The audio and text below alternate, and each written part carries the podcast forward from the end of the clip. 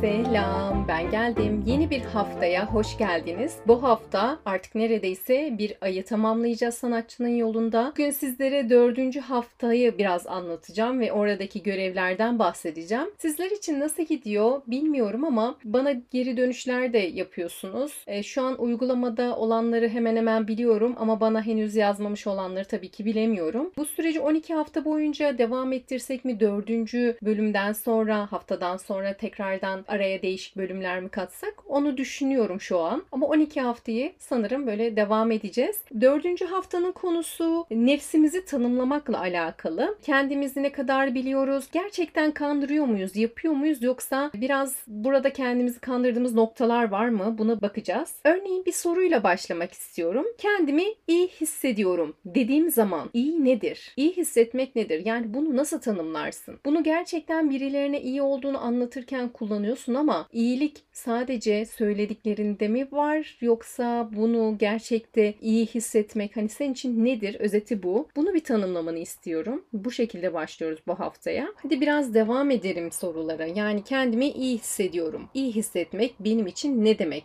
Bir buna bakalım. Ya da kendimi kadirime boyun eğmiş olarak kabulleniyorum. Ya da rahatım ya da umursamazım, hissizim gibi böyle tanımlamalar yapıyor olsan bunları nasıl tanımlarsın?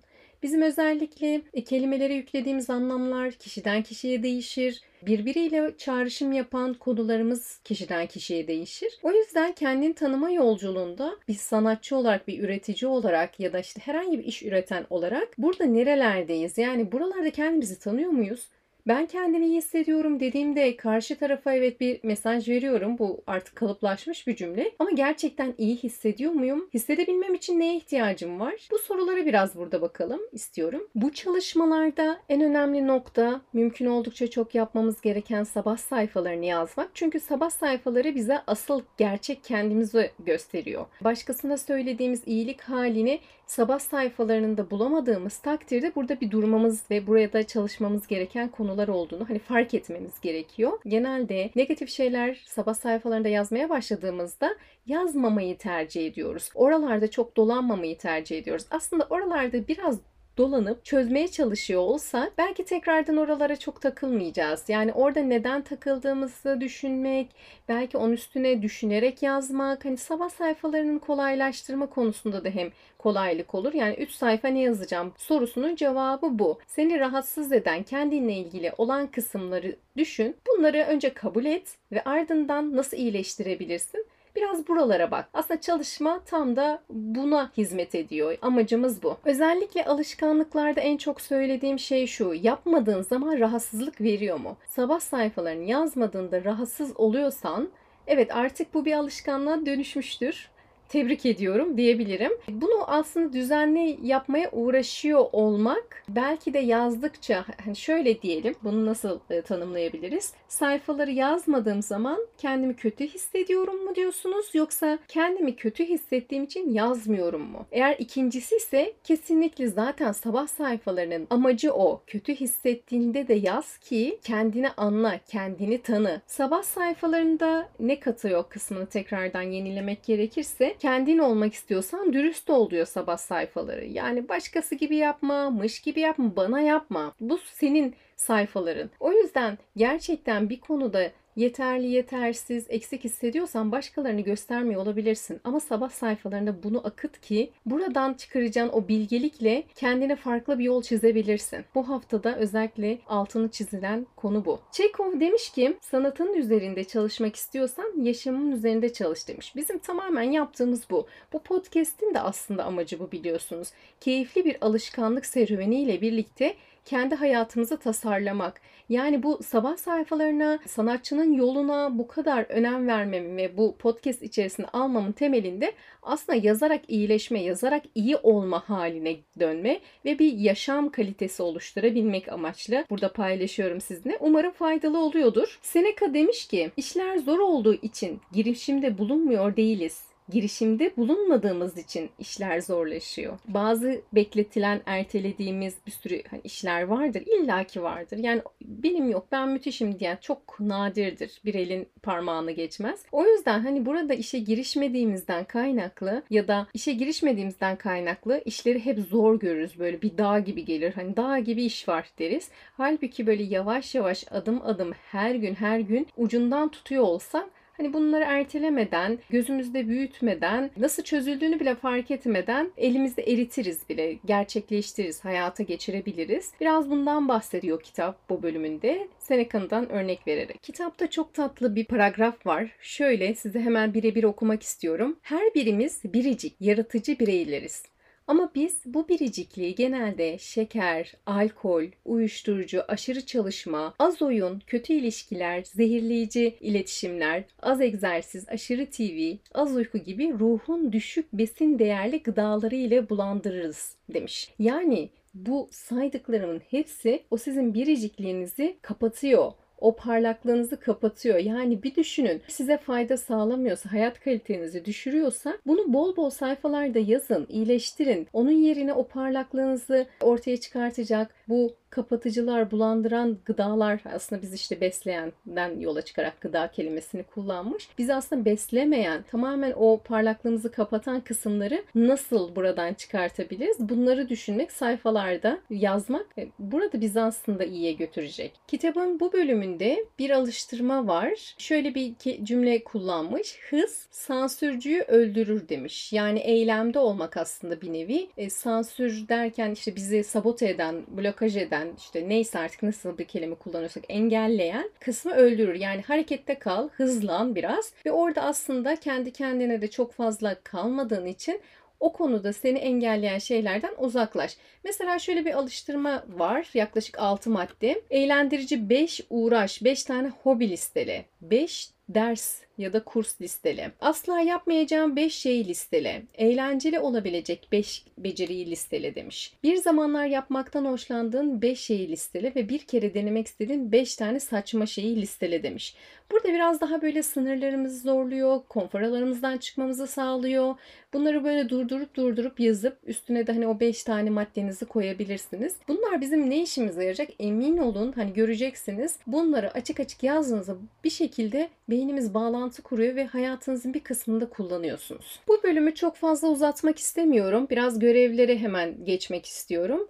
Yine 10 tane görev var ama dediğim gibi hani ortalamada 3-5'e tekabül ediyor. Çünkü bir şey yap ve kontrol etlerden ibaret bu bölüm. Birinci görev çevre diyor. İdeal çevreni belirle. Yani Yaşadığın alan nasıl şu an mevcutta? Kimlerle yaşıyorsun? Görüştüğün kimler var? Örneğin yaşadığın yerdeki en hoşlandığın mevsim ne? Ve bununla ilgili gelecekte yaşamak istediğin, aslında kendini daha rahat hissedeceğin yaşam alanı, çevren nasıl? Hem sosyal anlamda hem fiziki anlamda hem ev düzeni anlamında hava koşulları da dahil olmak üzere nasıl tanımlarsın bir bunu yaz diyor. Birinci görev bu.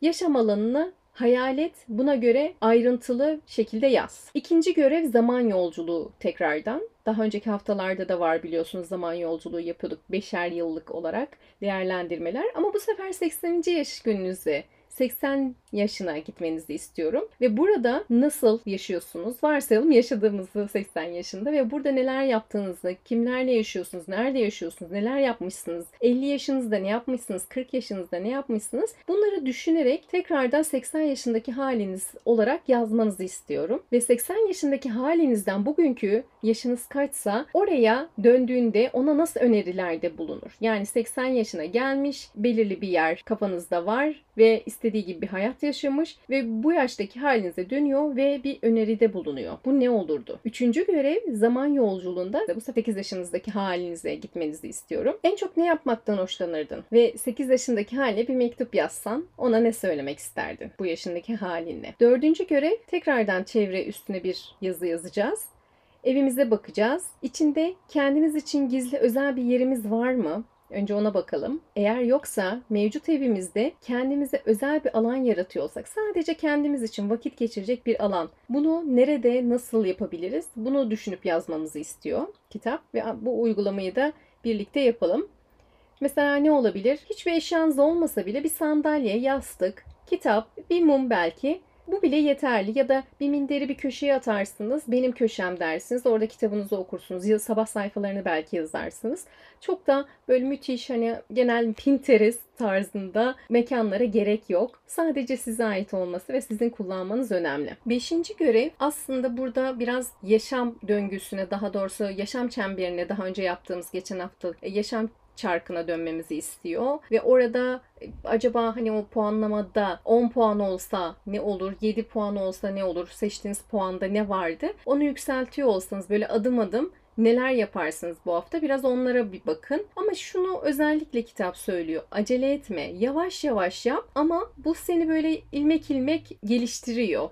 Birden bir yere sıçramaya çalışma. Aman olmadı kaygısına girme. O fobo dediğimiz bir şeyleri kaçırıyorum kaygısına girme. Mümkün oldukça bugünden o alışkanlık örgüsünü oluştur diyor. O yüzden de hani bunları her haftaya bölmüş. Zaten 12 hafta bile aslında bir alışkanlık oluşturmada yeterli olmayabilir. Ama bunu düzenli yaptıysan o farkı zaten hani şu an dördüncü haftada bile görüyor olacaksın. Altıncı görev kendinize ait sanatçının duasını yazın demiş. Yani kendinize ait sanatçının bir duası olsun. Bir ritüel gibi onu söylediğinizde ona ait bir şey olsun. Belirli bir süre boyunca bu duayı her gün okuyun. Yedinci görev uzatılmış bir sanatçı buluşması. Yani küçük bir tatil olabilir, ya belki bir gece kalmalı bir yere gidebilirsiniz. Böyle bir imkanınız yoksa bir tam gün kendinize ayırdığınız bir gün. Tamamen hiçbir sorumluluğu almadığınız sadece kendiniz için istediğiniz şeyleri yaptığınız bir gün tayin etmeniz görevini veriyor. Sekizinci görev dolabınızı açın. Değersiz bir giysiyi atın, başkalarına verin, bağışlayın. Biraz böyle orada artık yavaş yavaş kendimizdeki o enerji değişimini de eşyalarımızla ya fazlalıkları atarak, biraz daha rahatlayarak vermemizi söylüyor. Dokuzuncu görev ise yaşamımızda değiştirmemiz gerektiğini hissettiğimizde henüz değiştiremediğimiz bir durumu incelemek. Yani uzun süredir bir konuda değişmek istiyorsunuz. Artık diyor ki bu hafta bunu yap. Bununla ilgili bir adım at. Belki yapılacak bir sürü iş var bununla ilgili. Ufak da olsa bir adım at. Siz de lütfen yazın. Uzun zamandır hayatınızda değiştirmek istediğiniz ne varsa onunla ilgili bu hafta ufak da olsa bir adım atın. Eğer benimle paylaşmak isterseniz de Instagram hesabımdan yazabilirsiniz. Pınar Musalı hesabından. 10. görev ise burada ben bahsetmedim ama okuma yoksunluğu diye bir bölümden bahsediyor. Yani bütün hafta boyunca hiçbir şey okumayın diyor. Zihniniz hani berraklaşacak diyor. Ben buraya çok katılamıyorum ve ben bunu yapamadım. Aslında bunu neden yapamadığım üstüne de çalışmam gerekiyor. İlla ki bir şeyler okuyorum. Okumadan duramıyorum. E, o artık hem alışkanlık otomatik olarak hatta şey vardır ya arabada giderken böyle tabelaları okumak falan. Hani o yüzden mümkün olduğunu çok düşünmüyorum ama belki de benim algımla hani yapılamama nedeni olabilir. Belki başkaları bunu tam layıkıyla yapıyordur. Hani oradaki tam mantığı algılayamadığım için belki de mantıklı gelmedi ve yapmadım. O yüzden hani bu kısımla ilgili size bir örnek vermedim. Dilerseniz hani bir şey vardır ya aman her gün okumalıyım, her gün okumalıyım. Her gün okumayla ilgili baskıyı azaltmaya yönelik olabilir.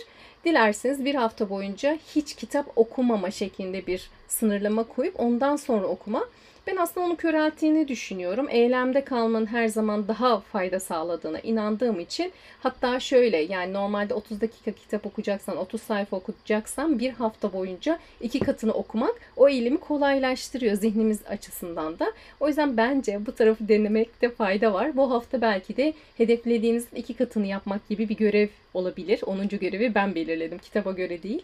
E, bilmiyorum deneyimlerinizi merak ediyorum. E, bu deneyimleri benimle paylaşmak isterseniz dediğim gibi bana ulaşabilirsiniz.